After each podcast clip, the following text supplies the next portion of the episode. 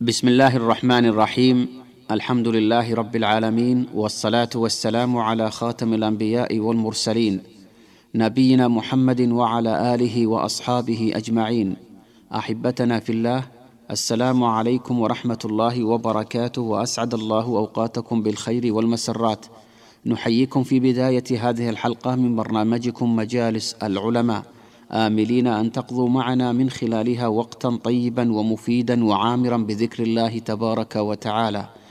أعزائنا المستمعين في هذه الحلقة ننقلكم إلى أروقة جامع الإمام تركي بن عبد الله آل سعود عليه رحمة الله في مدينة الرياض حيث عقد في ذلكم الجامع المبارك مجلس من مجالس العلم تحت عنوان عقيدة أهل السنة والجماعة وبعض معالمها.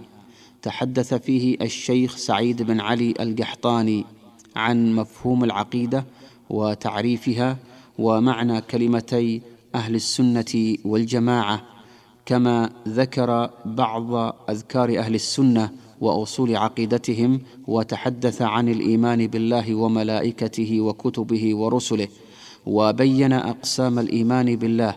يقول الشيخ سعيد حول هذه الموضوعات إن الحمد لله نحمده ونستعينه ونستغفره ونعوذ بالله من شرور أنفسنا وسيئات أعمالنا. من يهده الله فلا مضل له ومن يضلل فلا هادي له وأشهد أن لا إله إلا الله وحده لا شريك له وأشهد أن محمدا عبده ورسوله صلى الله عليه وعلى آله وأصحابه وسلم تسليما كثيرا. يا أيها الذين آمنوا اتقوا الله حق تقاته ولا تموتن إلا وأنتم مسلمون. يا أيها الناس اتقوا ربكم الذي خلقكم من نفس واحدة وخلق منها زوجها وبث منهما رجالا كثيرا ونساء واتقوا الله الذي تساءلون به والأرحام. إن الله كان عليكم رقيبا. يا أيها الذين آمنوا اتقوا الله وقولوا قولا سديدا. يصلح لكم أعمالكم ويغفر لكم ذنوبكم. ومن يطع الله ورسوله فقد فاز فوزا عظيما. أما بعد فإن أحسن الحديث كتاب الله تعالى وخير الهدي هدي محمد صلى الله عليه وسلم وشر الأمور محدثاتها وكل محدثة بدعة وكل بدعة ضلالة وكل ضلالة في النار. أيها الإخوة لا شك أن الأعمال والأقوال إنما تصح وتقبل إذا صدرت من عقيدة صحيحة فإذا كانت العقيدة فاسدة غير صحيحة بطل ما يتفرع منها من أعمال.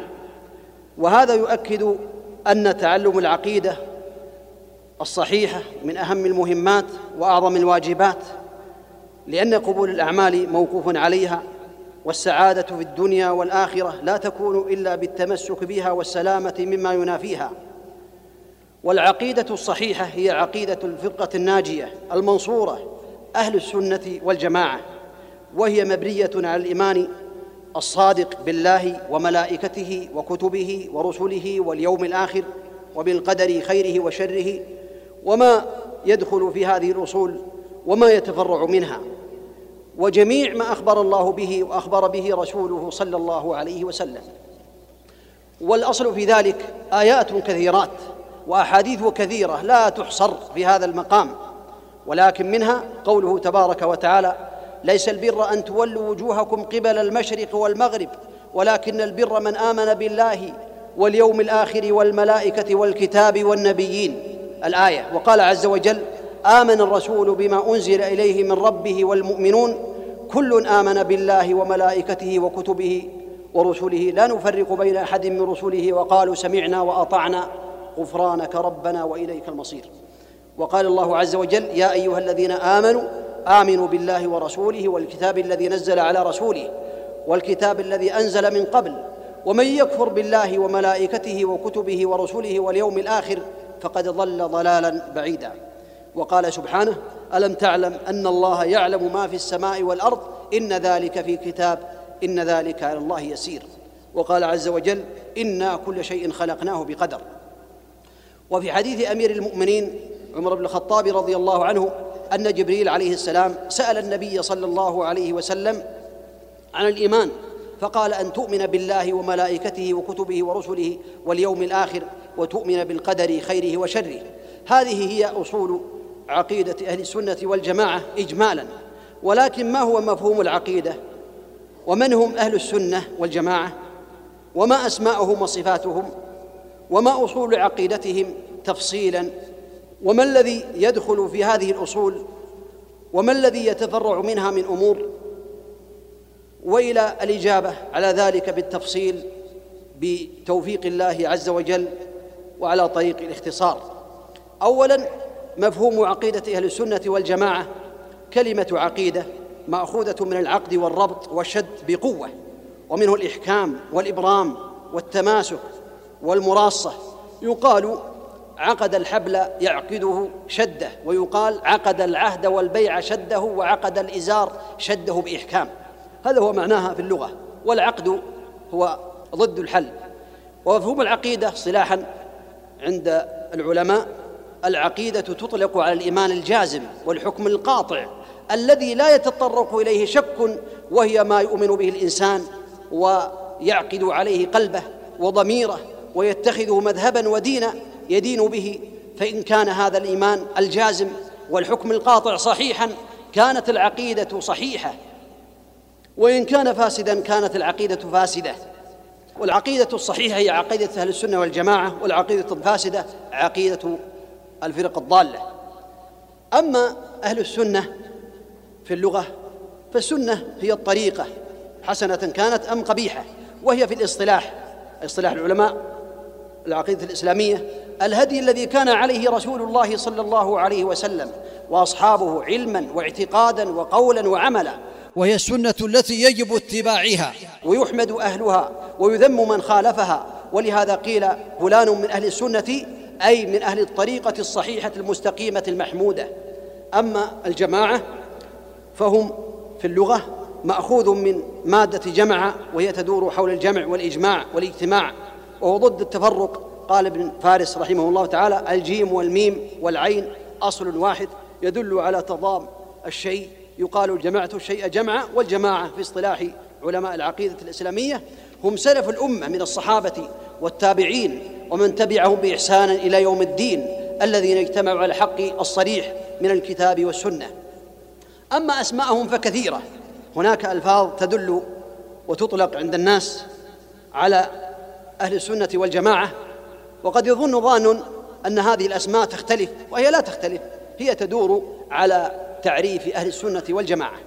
أهل السنة والجماعة كما تقدم وهم من كان على مثل ما كان عليه النبي صلى الله عليه وسلم وأصحابه وهم المتمسكون بسنة النبي صلى الله عليه وسلم وهم الصحابة والتابعون وأئمة الهدى المتبعون لهم وهم الذين استقاموا على اتباع وابتعدوا عن الابتداع في أي مكان وفي أي زمان وهم باقون منصورون إلى يوم القيامة. وسموا بذلك لانتسابهم لسنة النبي صلى الله عليه وسلم واجتماعهم على الأخذ بها ظاهرا وباطنا في القول والعمل والاعتقاد. فعن عوف بن مالك رضي الله عنه قال قال رسول الله صلى الله عليه وسلم افترقت اليهود على إحدى وسبعين فرقة فواحدة في الجنة وسبعون في النار وافترقت النصارى على اثنتين وسبعين فرقة فإحدى وسبعون فرقة في النار وواحدة في الجنة. والذي نفس محمد بيده لتفترقن أمتي على ثلاث وسبعين فرقة واحدة في الجنة واثنتان وسبعون في النار. فقيل يا رسول الله من هم؟ قال الجماعة. وفي رواية الترمذي عن عبد الله بن عمر قالوا من هم يا رسول الله؟ أو ما هي يا رسول الله؟ قال ما أنا عليه وأصحابي. ويقال لهم الفرقة الناجية أي الناجية من النار لأن النبي صلى الله عليه وسلم استثناها عندما ذكر الفرق وقال صلى الله عليه وسلم كلها في النار إلا واحدة. أي فرقة أهل السنة والجماعة ليست في النار بشهاده النبي عليه الصلاة والسلام. ويقال لها الطائفة المنصورة فعن معاوية رضي الله عنه قال سمعت رسول الله صلى الله عليه وسلم يقول لا تزال طائفة من أمتي قائمة بأمر الله لا يضرهم من خذلهم وخالفهم حتى يأتي أمر الله وهم ظاهرون على الناس. هذا الحديث متفق على صحته وعن المغيرة بن شعبة رضي الله عنه نحوه متفق عليه أيضا. وعن ثوبان رضي الله عنه قال قال رسول الله صلى الله عليه وسلم لا تزال طائفة من أمتي ظاهرين على الحق لا يضرهم من خذلهم حتى يأتي أمر الله وهم كذلك. وأهل السنة والجماعة هم المعتصمون المتمسكون بكتاب الله وسنة رسوله صلى الله عليه وسلم وما كان عليه السابقون الأولون من المهاجرين والأنصار. ولهذا قال فيهم النبي صلى الله عليه وسلم ما أنا عليه وأصحابي أي هم من كان على مثل ما أنا عليه وأصحابي. عليه الصلاة والسلام. وهم القدوة الصالحة الذين يهدون إلى الحق وبه يعملون. قال أيوب السختياني رحمه الله إن من سعادة الحدث أي الشاب والاعجمي أن يوفقهم الله لعالم من أهل السنة. هذا من سعادة الإنسان في الدنيا قبل الآخرة. أن يوفق لعالم من أهل السنة يأخذ عنه أقوال النبي عليه الصلاة والسلام ويأخذ عنه سنة النبي صلوات الله وسلامه عليه والمذهب الحق. وقال الفضيل بن عياض رحمه الله إن لله عبادا يحيي بهم البلاد وهم أصحاب السنة ومن كان يعقل ما يدخل جوفه من حله كان من حزب الله عز وجل. أهل السنة خيار الناس. ينهون عن البدع وأهلها.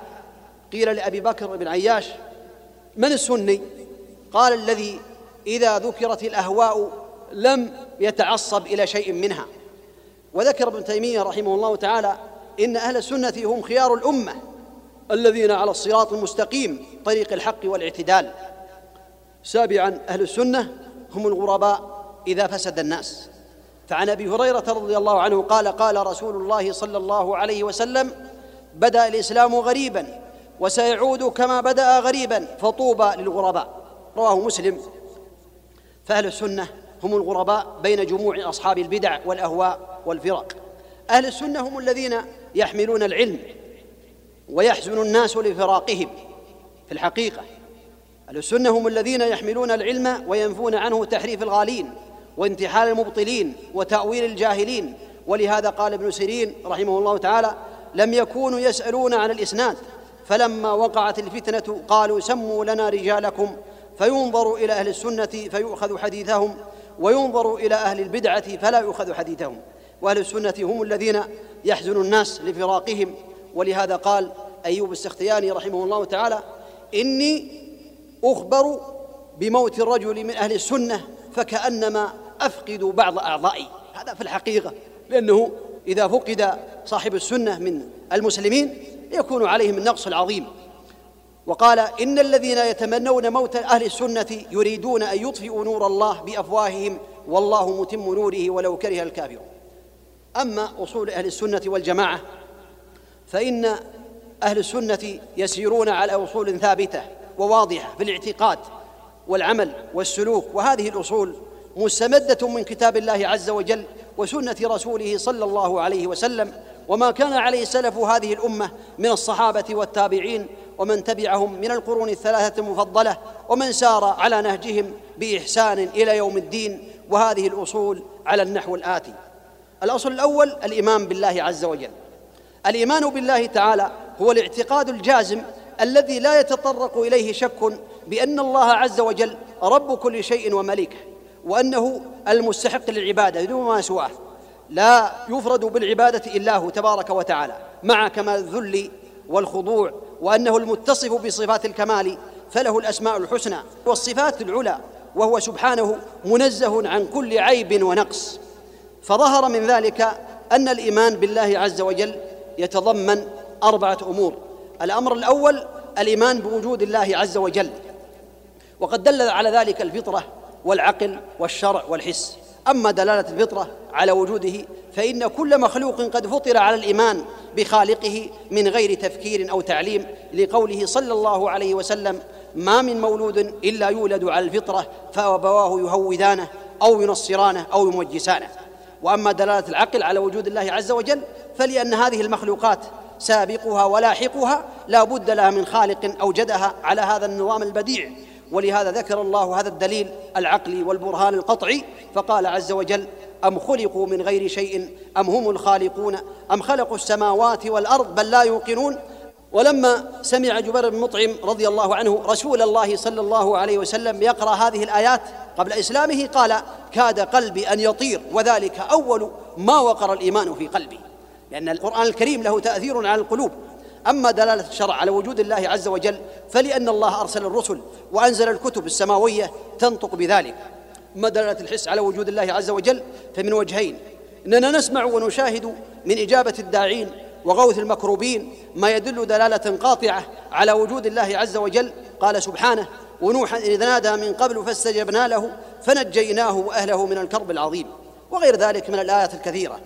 وفي صحيح البخاري عن أنس رضي الله عنه أن اعرابيا دخل يوم الجمعة والنبي صلى الله عليه وسلم يخطب فقال يا رسول الله هلك المال وجاع العيال فادعوا الله يغيثنا. فرفع رسول الله صلى الله عليه وسلم يديه ثم قال اللهم أغثنا اللهم أغثنا اللهم أغثنا. قال أنس رضي الله عنه هو الذي نفسي بيده ما وضعها حتى ثار السحاب أمثال الجبال ثم لم ينزل من منبره حتى رأيت المطر يتحاذر على لحيته. فمطرنا فوالله ما رأينا الشمس سبتا. ثم دخل رجل من ذلك الباب في الجمعة المقبلة ورسول الله صلى الله عليه وسلم قائم يخطب فقال يا رسول الله هلكت الأموال وانقطعت السبل فادعوا الله يمسكها عنا. فرفع رسول الله صلى الله عليه وسلم يديه ثم قال اللهم حوالينا ولا علينا فما يشير بيده إلى ناحية من السحاب. إلا انفرجت. اللهم صل على محمد صلى الله عليه وسلم. هذا يدل على وجود الله عز وجل وقدرته العظيمة. وهذه الأدلة في الحقيقة هي تزيد إيمان المؤمن ولكنها تقال في الحقيقة لغير المسلمين. ولكن ذكرها يزيد الإيمان ويزيد التقوى ويزيد المحبة لله عز وجل. ثم آيات الأنبياء تدل على وجود الله عز وجل. لأن الذي أعطاهم هذه الآيات هو الذي أرسلهم وأعطاهم الآيات التي تدل على أنهم على الحق وأن الله عز وجل أرسلهم تبارك وتعالى. الأصل الثاني الإيمان بالربوبية أي مما يؤمن به في حق الله عز وجل. وأن الله عز وجل هو الرب الخالق المالك المدبر. قال عز وجل ذلكم الله ربكم له الملك والذين تدعون من دونه ما يملكون من قطمير. ولم يعلم أن أحدا من الخلق أنكر ربوبية الله سبحانه وتعالى إلا أن يكون مكابرا. قال الله عز وجل عن آل فرعون وجحدوا بها واستيقنتها أنفسهم ظلما وعلوا. الثالث الإيمان بالألوهية وأن الله عز وجل هو الإله الحق المستحق للعبادة دون ما سواه لكونه خالق العباد والمحسن إليهم والقائم بأرزاقهم والعالم بسرهم وعلانيتهم والقادر على إثابة مطيعهم وعقاب عاصيهم. ولهذه العبادة خلق الله الثقلين. قال عز وجل وما خلقت الجن والإنس إلا ليعبدون ما أريد منهم من رزق وما أريد أن يطعمون إن الله هو الرزاق ذو القوة المتين. وقال عز وجل يا أيها الناس اعبدوا ربكم الذي خلقكم والذين من قبلكم لعلكم تتقون الذي جعل لكم الأرض فراشا والسماء بناء وأنزل من السماء ماء فأخرج به من الثمرات رزقا لكم فلا تجعلوا لله أندادا أنتم تعلمون. وقال سبحانه وما أرسلنا من قبلك من رسول إلا نوحي إليه أنه لا إله إلا أنا فاعبدون. وقال عز وجل شهد الله أنه لا إله إلا هو والملائكة وأولو العلم قائما بالقسط لا إله إلا هو العزيز الحكيم. وكل من اتخذ إلها من دونه فإلهيته باطلة. قال عز وجل ذلك بأن الله هو الحق وأن ما يدعون من دونه هو الباطل وأن الله هو العلي الكبير. وقال عز وجل وإلهكم إله واحد لا إله إلا هو الرحمن الرحيم. وقد أبطل الله عز وجل اتخاذ المشركين آلهة من دونه فبين ضعفها من كل وجه فقال قل ادعوا الذين زعمتم من دون الله لا يملكون مثقال ذرة في السماوات ولا في الأرض وما لهم فيهما من شرك وما له منهم من ظهير ولا تنفع الشفاعة عنده إلا لمن أذن له. فالعبادة حق الله عز وجل. ولهذا قال صلى الله عليه وسلم لمعاذ رضي الله عنه حق الله على العباد أن يعبدوه ولا يشركوا به شيئا. الرابع الإيمان بأسماء الله الحسنى وصفاته العلى. أهل السنة والجماعة يثبتون ما أثبته الله عز وجل لنفسه وما أثبته له رسوله صلى الله عليه وسلم من غير تحريف ولا تعطيل ولا تكييف ولا تمثيل. ويمرونها كما جاءت مع الإيمان بما دلت عليه من المعاني العظيمة. فكل ما أثبته الله عز وجل لنفسه أو أثبته له رسوله صلى الله عليه وسلم من جميع الأسماء والصفات أثبتوه على الوجه اللائق به تعالى إثباتا مفصلا على حد قوله سبحانه وهو السميع البصير وينفون عنه ما نفاه عن نفسه تبارك وتعالى وما نفاه عنه رسوله صلى الله عليه وسلم نفيا مجملا غالبا على حد قوله تعالى ليس كمثله شيء والنفي يقتضي إثبات ما يضاده من الكمال. فكلما نفى الله عن نفسه من النقائص أو نفاه عنه رسوله صلى الله عليه وسلم فإن ذلك يدل على ضده من أنواع الكمال. وقد جمع الله النفي والإثبات في آية واحدة كما سمعنا ليس كمثله شيء وهو السميع البصير. فهذه الآية تضمنت تنزيه الله عن مشابهة خلقه تبارك وتعالى لا في ذاته ولا في صفاته ولا في أفعاله ولا في أقواله وهذا فيها رد على المشبهة. وهو قوله تعالى ليس كمثله شيء وفي آخرها رد على المعطلة وهو قوله تعالى وهو السميع البصير. وفي أولها نفي مجمل وفي آخرها إثبات مفصل. قال الله عز وجل ولا تضربوا لله الأمثال إن الله يعلم وأنتم لا تعلمون. وهذه عقيدة أهل السنة والجماعة من أصحاب رسول الله صلى الله عليه وسلم وأتباعهم بإحسان. نقلها عنهم أئمة أهل السنة. قال الوليد بن مسلم رحمه الله تعالى سألت الأوزاعي وسفيان والثوري ومالك بن أنس عن هذه الأحاديث التي فيها ذكر الرؤية فقالوا أمروها كما جاءت بلا كيف. وقد ذكر أهل السنة كلام الأئمة على قوله عز وجل الرحمن على العرش استوى وأن ذلك يدل على علو الله على خلقه كما قال سبحانه وتعالى إليه يصعد الكلم الطيب والعمل الصالح يرفعه. وقال عز وجل وهو القاهر فوق عباده. ويرسل عليكم حفظه. قال أبو القاسم اللالكائي رحمه الله تعالى فدلت هذه الآية أنه تعالى في السماء وعلمه محيط بكل مكان من أرضه وسمائه. وروى ذلك من الصحابة عمر وابن مسعود وابن عباس وأم سلمة رضي الله عنهم ومن التابعين ربيعة ابن أبي عبد الرحمن وسليمان التيمي ومقاتل بن حيان وبه قال من الفقهاء مالك بن أنس وسفيان الثوري وأحمد رحمهم الله جميعا. وسئل ربيعة بن أبي عبد الرحمن عن قوله تعالى الرحمن على العرش استوى. كيف استوى؟ قال الاستواء غير مجهول والكيف غير معقول ومن الله الرسالة وعلى الرسول البلاغ وعلينا التصديق. وقال رجل للإمام مالك رحمه الله تعالى يا أبا عبد الرحمن الرحمن على العرش استوى. كيف استوى؟ فأطرق قليلا وغضب رضي الله عنه ورحمه ثم قال الكيف غير معقول والاستواء غير مجهول والإيمان به واجب والسؤال عنه بدعة فإني أخاف أن تكون ضالا وأمر به فأخرج. وقيل لأحمد رحمه الله تعالى الله عز وجل فوق السماء السابعة على عرشه بائن من خلقه وقدرته وعلمه في كل مكان. قال أحمد رحمه الله تعالى نعم على العرش وعلمه لا يخلو منه مكان. وفي رواية أنه سئل عن قوله وهو معكم أينما كنتم؟ فقال هذا القول رحمه الله تعالى. وهذه النقولات تدل على أن أهل السنة يثبتون الأسماء والصفات وما دلت عليه من المعاني العظيمة. مع إمرارها كما جاءت بلا كيف. والمعية معيتان معية عامة مع جميع الناس. كما قال الله عز وجل وهو معكم أينما كنتم وهي معية العلم. ومعية خاصة وهي معية التوفيق والإلهام والتسديد والإعانة والنصرة وهي خاصة بالمؤمنين. الأصل الثاني الإيمان بالملائكة. الإيمان بالملائكة يتضمن أربعة أمور الإيمان بوجودهم والإيمان بمن علمنا اسمه من أسمائهم. نؤمن بهم تفصيلا واجمالا. فمن علمنا اسمه؟ آمنا به تفصيلا. ومن لم نعلم؟ آمنا به اجمالا. فنؤمن بكل ملك من الملائكة خلقه الله عز وجل ونؤمن بمن سمى الله منهم في كتابه أو سماه النبي عليه الصلاة والسلام. والإيمان كذلك بما علمنا من أعمالهم. هذا يجب علينا الإيمان به كعمل جبريل وصفاتهم كذلك. فقد أخبر النبي عليه الصلاة والسلام أنه رأى جبريل على صفته التي خلق عليها وله ستمائة جناح. كل جناح مد الأفق أو قد سد الأفق أو كما ثبت عنه عليه الصلاة والسلام. والايمان بما علمنا من أعمالهم التي يقومون بها. هناك لهم أعمال منهم الحفظة ومنهم الرقيب والعتيد ومنهم منكر ونكير ومنهم خزنة الجنة وخزنة النار وغير ذلك. فنؤمن بهذه الأعمال التي بينها الله أو بينها الرسول عليه الصلاة والسلام. كقوله تبارك وتعالى ومن عنده لا يستكبرون عن عبادته ولا يستحسرون يسبحون الليل والنهار لا يفترون. وعن أبي ذر رضي الله عنه يرفعه إني أرى ما لا ترون وأسمع ما لا تسمعون. اطت السماء وحق لها أن تئط. ما فيها موضع أربع أصابع إلا وملك واضع جبهته ساجدا لله عز وجل.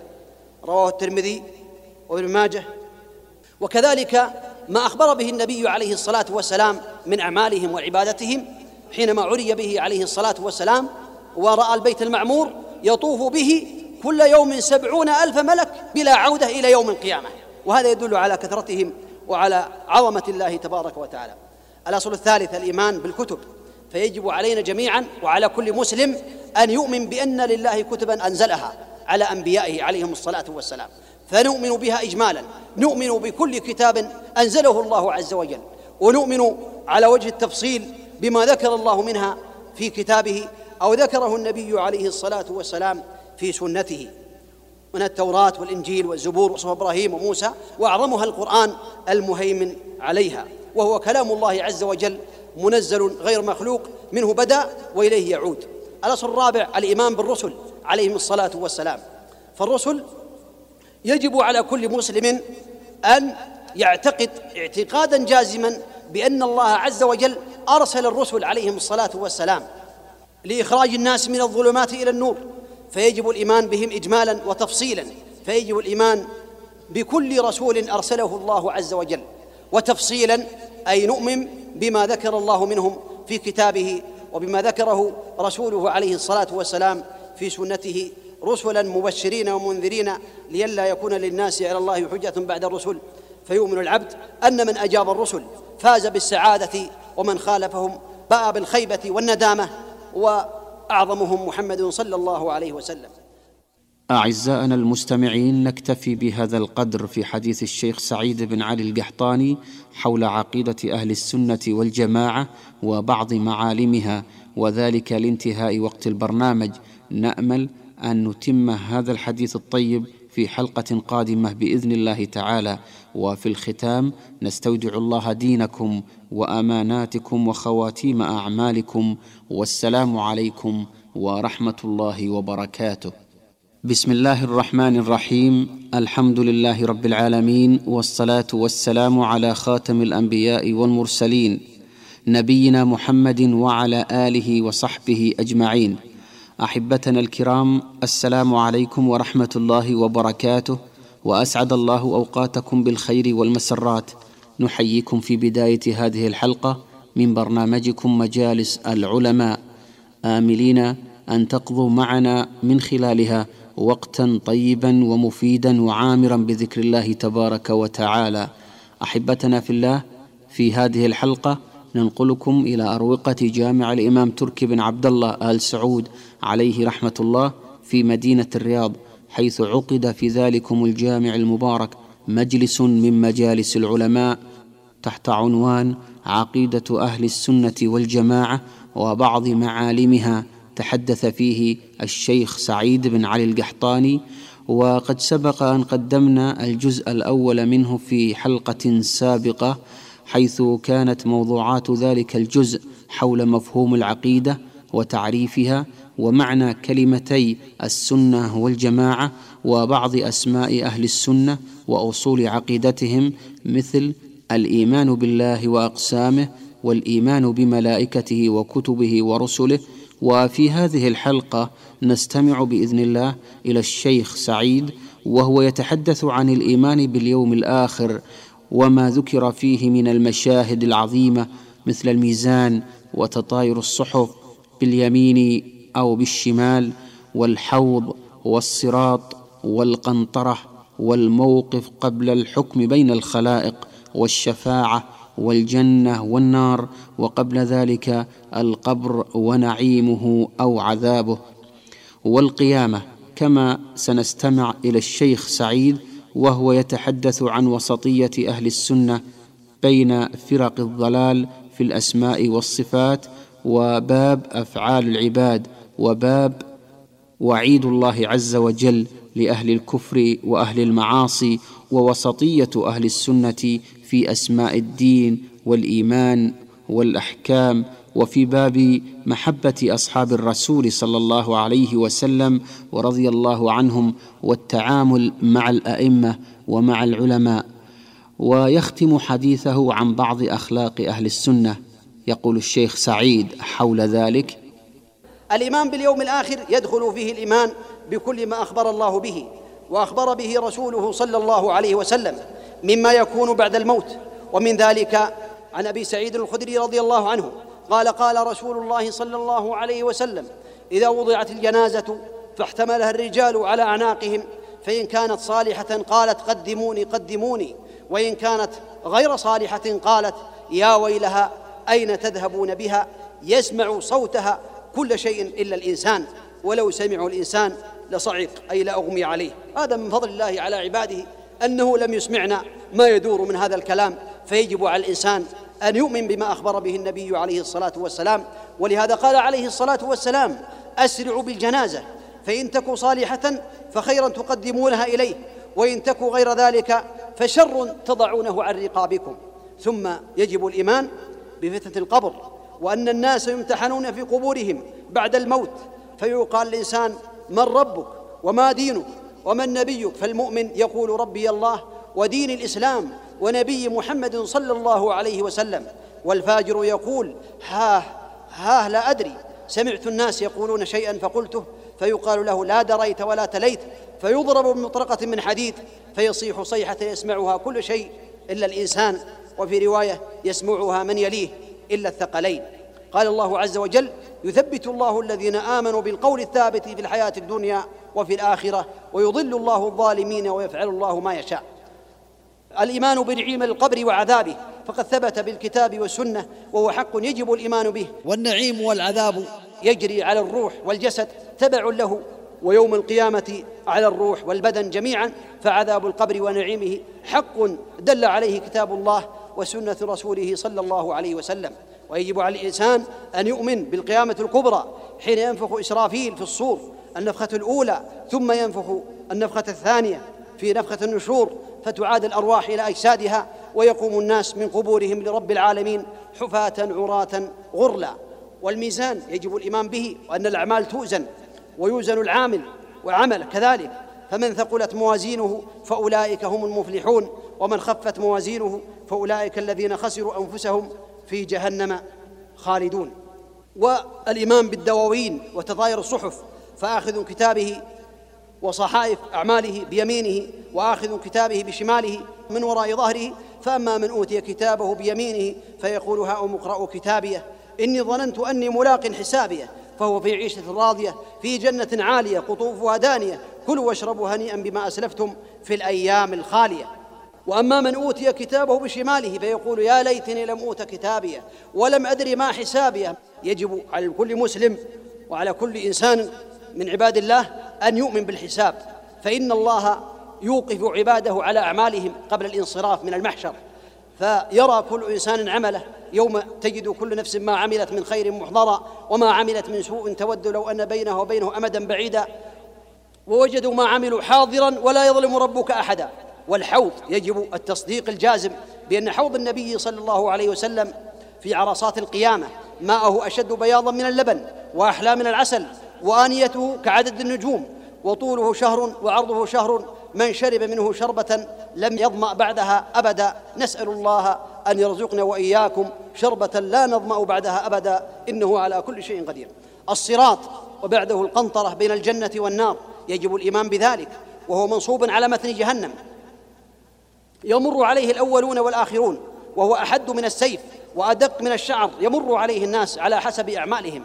فمنهم من يتجاوزه كلمح البصر وكالبرق وكالريح وكالفرس الجواد وكركاب الإبل ومنهم من يعدو عدوى ومنهم من يمشي ومنهم من يزحف زحفا ومنهم من يسقط في جهنم وعلى حافة الجسر كلاليب تخطف من أمرت بخطفه. فإذا تجاوز المؤمنون هذا الصراط وقفوا على قنطرة بين الجنة والنار فيقتص لبعضهم من بعض فإذا نقوا أدخلوا الجنة بفضل الله ورحمته. الشفاعة وهي سؤال الخير للغير وهي أنواع. الشفاعة العظمى لأهل الموقف والشفاعة في أهل الجنة أن يدخلوها والشفاعة في تخفيف العذاب. عن أبي طالب هذه الثلاث خاصة بمحمد صلى الله عليه وسلم وغيرها من الشفاعات الخاصة به عليه الصلاة والسلام. والشفاعة في من استحق النار ألا يدخلها وفي من دخلها أن يخرج منها.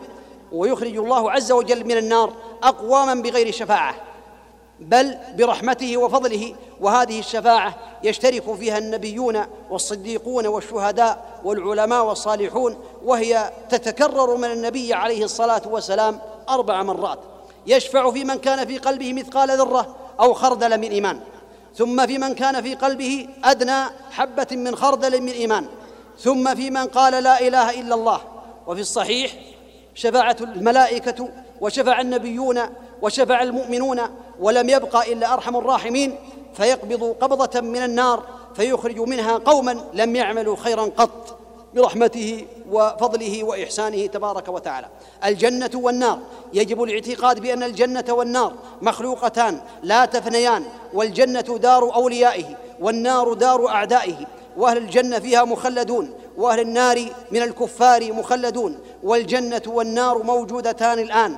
وقد رآهما رسول الله صلى الله عليه وسلم في صلاة الكسوف وليلة المعراج. وقد ثبت في الحديث الصحيح أن الموت يجاء به في صورة كبش وليس ملك الموت وإنما الموت. آلة يؤتى بها يوم القيامة فيوقف بين الجنة والنار فيقال يا أهل الجنة هل عرفتم هذا؟ فيقولون نعم هو الموت. فيقال يا أهل النار هل عرفتم هذا؟ فيقال نعم هذا الموت. فيذبح بين الجنة والنار فيقال لأهل الجنة يا أهل الجنة خلود فلا موت. ويا أهل النار خلود فلا موت. فيزداد أهل الجنة فرحا إلى فرحهم ويزداد أهل النار حزنا إلى حزنهم. نسأل الله العافية في الدنيا والآخرة. الأصل السادس الإيمان بالقدر خيره وشره ويتضمن الإيمان بأمور أربعة. الإيمان بأن الله تعالى علم أحوال العباد وأرزاقهم وأجالهم وأعمالهم وما كان وما يكون وما لم يكن. لو كان كيف كان لا يخفى عليه شيء. إن الله بكل شيء عليم. لتعلموا أن الله على كل شيء قدير وأن الله قد أحاط بكل شيء علما. ثانيا كتابة ربنا تبارك وتعالى لكل المقادير. قال عز وجل وكل شيء أحصيناه في إمام مبين. ألم تعلم أن الله يعلم ما في السماء والأرض؟ إن ذلك في كتاب إن ذلك على الله يسير. وفي صحيح مسلم كتب الله مقادير الخلائق قبل أن يخلق السماوات والأرض بخمسين ألف سنة. ثالثا الإيمان بمشيئة الله النافذة. فما شاء كان وما لم يشاء لم يكن. قال الله عز وجل وما تشاءون إلا أن يشاء الله رب العالمين وقال إنما أمره إذا أراد شيئا أن يقول له كن فيكون رابعا الإيمان بأن الله تعالى الخالق لكل شيء وما سواه مخلوق. قال تعالى الله خالق كل شيء وهو على كل شيء وكيل أما وسطية أهل السنة والجماعة فهم وسط بين فرق الضلال. أهل السنة وسط في باب صفات الله عز وجل بين أهل التعطيل وأهل التمثيل. قال الله عز وجل في أمة محمد عليه الصلاة والسلام وكذلك جعلناكم أمة وسطا فأهل الإسلام وسط بين الملل وأهل السنة وسط بين الفرق المنتسبة إلى الإسلام فهم وسط بين أهل التعطيل الذين ينفون صفات الله عز وجل وبين أهل التمثيل الذين أثبتوها وجعلوها مماثلة لصفات المخلوقين فأهل السنة أثبتوا صفات الله إثباتا بلا تمثيل وينزهون الله عز وجل عن مشابهة المخلوقين تنزيها بلا تعطيل فجمعوا بين التنزيه والإثبات وقد رد الله على الطائفتين بقوله تعالى ليس كمثله شيء رد على المشبهة وهو السميع البصير رد على المعطلة أهل السنة وسط في باب أفعال العباد بين الجبرية وغيرهم. فالجبرية الذين هم أتباع جهم بن صفوان يقولون إن العبد مجبور على فعله كالريشه في مهب الريح. والقدرية الذين هم المعتزلة أتباع معبد الجهني ومن وافقهم قالوا إن العبد هو الخالق لأفعاله دون مشيئة الله وقدرته. وهدى الله أهل السنة والجماعة لأن يكونوا وسطا بين هاتين الفرقتين الضالتين فقالوا إن الله هو الخالق للعباد. وأفعالهم والعباد فاعلون حقيقة ولهم قدرة على أعمالهم. والله خالقهم وخالق أعمالهم وقدراتهم. والله خلقكم وما تعملون. وأثبتوا للعبد مشيئة واختيارا تابعين لمشيئة الله عز وجل لمن شاء منكم أن يستقيم. وما تشاءون إلا أن يشاء الله رب العالمين. أهل السنة وسط في باب وعيد الله بين الوعيدية والمرجئة. المرجئة قالوا لا يضر مع الإيمان ذنب كما لا ينفع مع الكفر طاعة. فعندهم أن الأعمال ليست داخلة في مسمى الإيمان وأن الإيمان لا يزيد ولا ينقص وأن مرتكب الكبيرة كامل الإيمان وهذا باطل. يسوي بين إيمان الأنبياء عليهم الصلاة والسلام وإيمان أفسق الناس وأفجر الناس. والوعيدية وهم الذين قالوا إن الله يجب عليه عقلا أن يعذب العاصين كما يجب عليه أن يثيب الطائعين. فمن مات على كبيرة ولم يتوب منها فهو خالد مخلد في النار وهذا أصل من أصول المعتزلة وبه تقول الخوارج. أما أهل السنة فوفقهم الله عز وجل للطريق المستقيم. فقالوا مرتكب الكبيرة. إذا لم يستحلها فهو مؤمن بإيمانه فاسق بكبيرته أو مؤمن ناقص الإيمان وإن مات ولم يتب فهو تحت المشيئة. إن شاء الله عفى عنه برحمته وفضله وإن شاء عذبه بعدله على قدر ذنوبه ثم يخرجه من النار. إن الله لا يغفر أن يشرك به ويغفر ما دون ذلك لمن يشاء. أهل السنة وسط في باب أسماء الدين والإيمان والأحكام بين الخوارج والمعتزلة وبين المرجئة والجهمية. فالمراد بأسماء الدين هنا مثل مؤمن مسلم كافر فاسق ظالم والمراد بالأحكام أحكام أصحابها في الدنيا والآخرة. الخوارج عندهم أنه لا يسمى مؤمنا إلا من أدى جميع الواجبات واجتنب الكبائر ويقولون إن الدين والإيمان قول وعمل واعتقاد ولكنه لا يزيد ولا ينقص فمن أتى كبيرة كفر في الدنيا وهو في الآخرة خالد مخلد في النار إن لم يتب قبل الموت. والمعتزلة قالوا مثل قولهم تماما. إلا أنهم قالوا خرج من الإيمان ولم يدخل في الكفر فهو في منزلة بين المنزلتين ولم يستحل دمه وماله كما استحلته الخوارج. ووافقوا الخوارج بأنه خالد مخلد في النار يوم القيامة. نسأل الله العافية في الدنيا والآخرة. والمرجئة قالوا لا يضر مع الإيمان ذنب كما لا ينفع مع الكفر طاعة.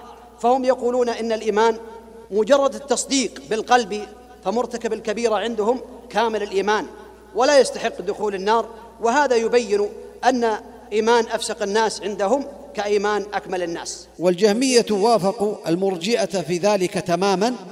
فالجهم قد ابتدع التعطيل والجبر والإرجاء كما قال الإمام ابن القيم رحمه الله تعالى. أما أهل السنة فوفقهم الله تعالى للطريق المستقيم.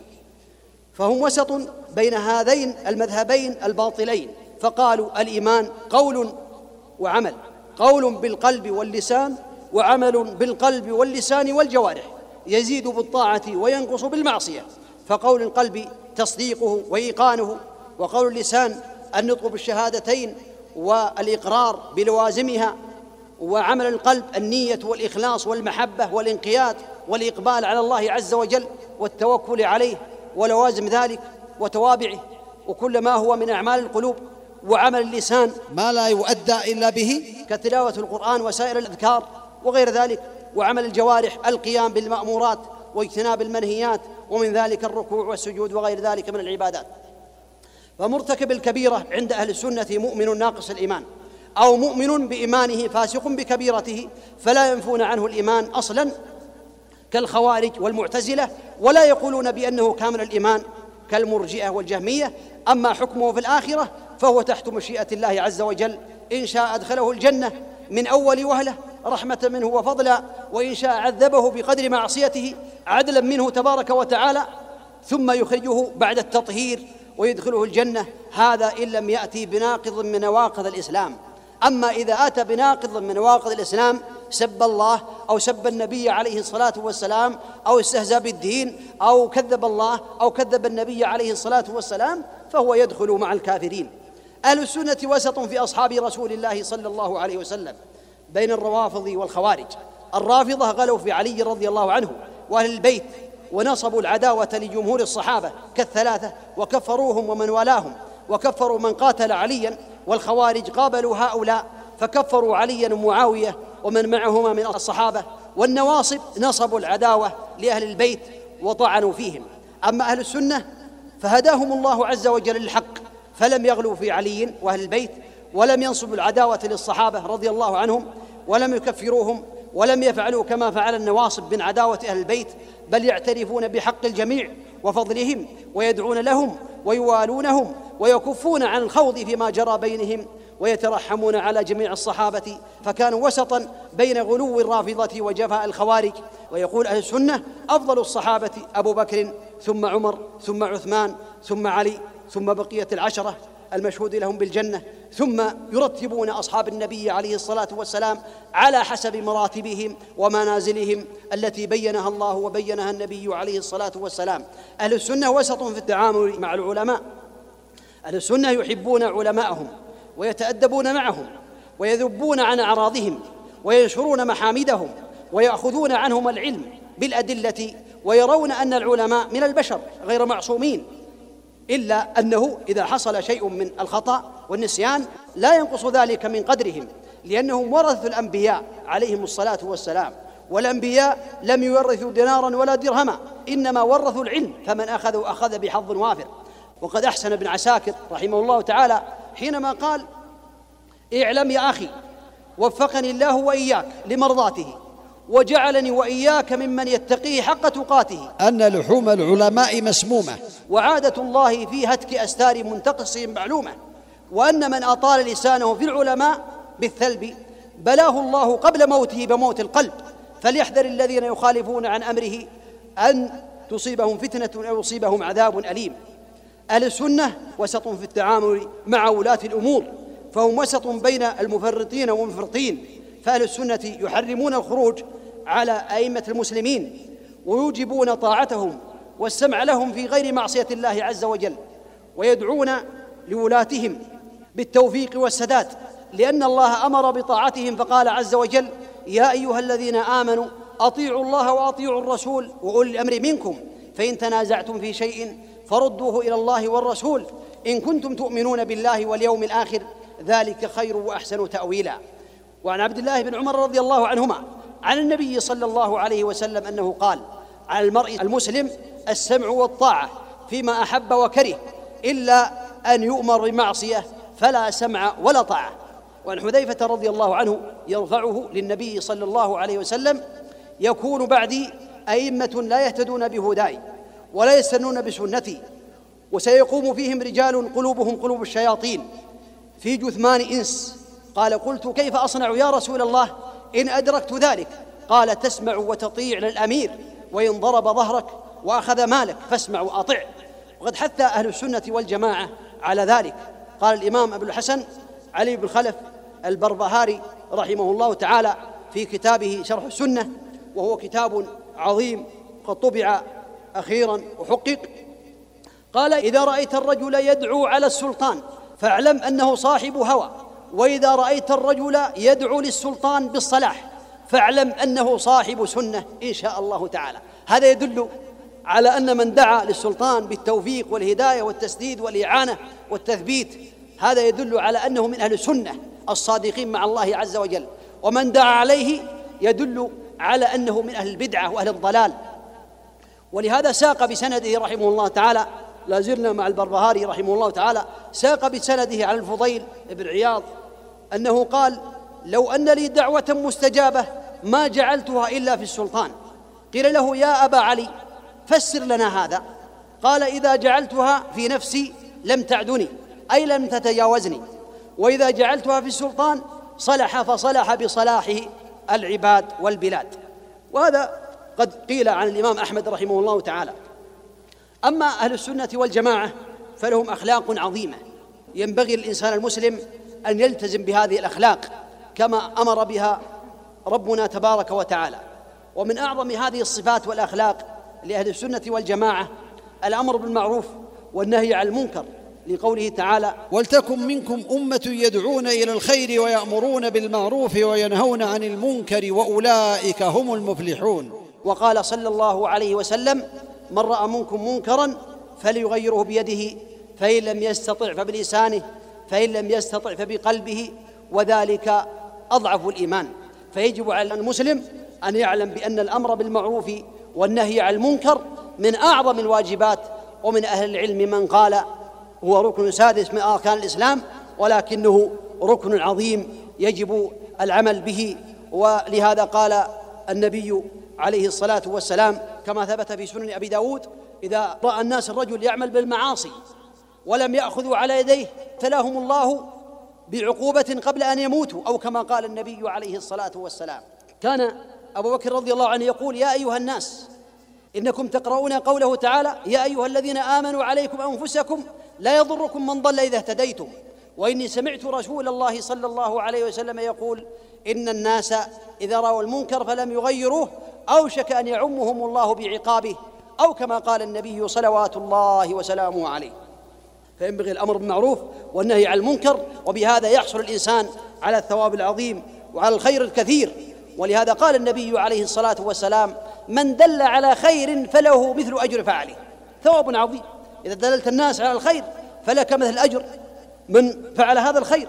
إذا كان هناك حي من الأحياء ليس فيه مسجد من المساجد ثم ذهبت إلى بعض المحسنين أو بعض الموفقين وطلبت منه أن يبني هذا المسجد أو يشفع في بنائه فبني هذا الجامع أو هذا المسجد فحينئذ يبني ربنا عز وجل للفاعل بيتا في الجنة ويبني لهذا الدال بيتا مثله لقوله عليه الصلاة والسلام من دل على خير فله مثل أجر فاعله.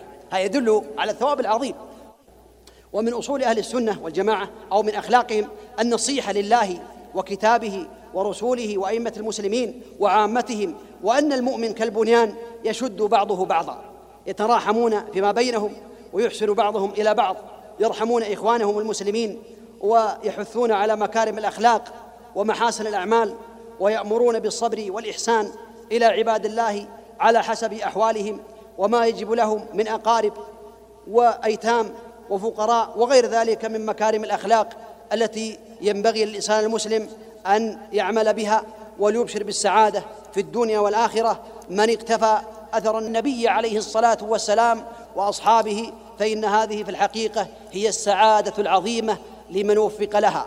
من التزم مذهب أهل السنة والجماعة فيبشر بالسعادة في الدنيا والآخرة لأنه ما كان عليه النبي عليه الصلاة والسلام والصحابة والتابعون ومن تبعهم بإحسان إلى يوم الدين. أسأل الله عز وجل بأسمائه الحسنى وصفاته العلى. أن يجعلني وإياكم من أتباع النبي عليه الصلاة والسلام ومن أهل السنة والجماعة وأن يجعلنا من الطائفة المنصورة الذين لا يضرهم من خذلهم ولا من خالفهم حتى يأتي أمر الله. إنه ولي ذلك والقادر عليه. وصلى الله وسلم وبارك على نبينا محمد وعلى آله وأصحابه وسلم تسليما كثيرا. أعزائنا الكرام إلى هنا ونصل بكم إلى ختام هذه الحلقة من برنامجكم مجالس العلماء. نستودع الله دينكم وأماناتكم وخواتيم أعمالكم والسلام عليكم ورحمة الله وبركاته. ألقيت هذه المحاضرة في الجامع الكبير بمدينة الرياض في ليلة الجمعة الموافق. العاشر من شهر جماد الأولى من عام 1418 من الهجرة وقد سمعها من أولها إلى آخرها سماحة الإمام الشيخ عبد العزيز بن باز رحمه الله وعلق عليها فقال الحمد لله وصلى الله وسلم على رسول الله وعلى آله وأصحابه ومن اهتدى بهداه. أما بعد فقد سمعنا جميعا المحاضرة القيمة التي ألقاها وتفضل بها صاحب الفضيلة الشيخ سعيد بن علي فيما يتعلق بعقيدة أهل السنة والجماعة. ولقد أجاد وأفاد وأبان ما ينبغي بيانه. فجزاه الله خيرا. وضاعف مثوبته وزادنا وإياكم وإياه علما وهدى وتوفيقا ونفعنا جميعا بما سمعنا وزادنا جميعا من العلم النافع والعمل الصالح. إلى آخر تعليقه رحمه الله تعالى.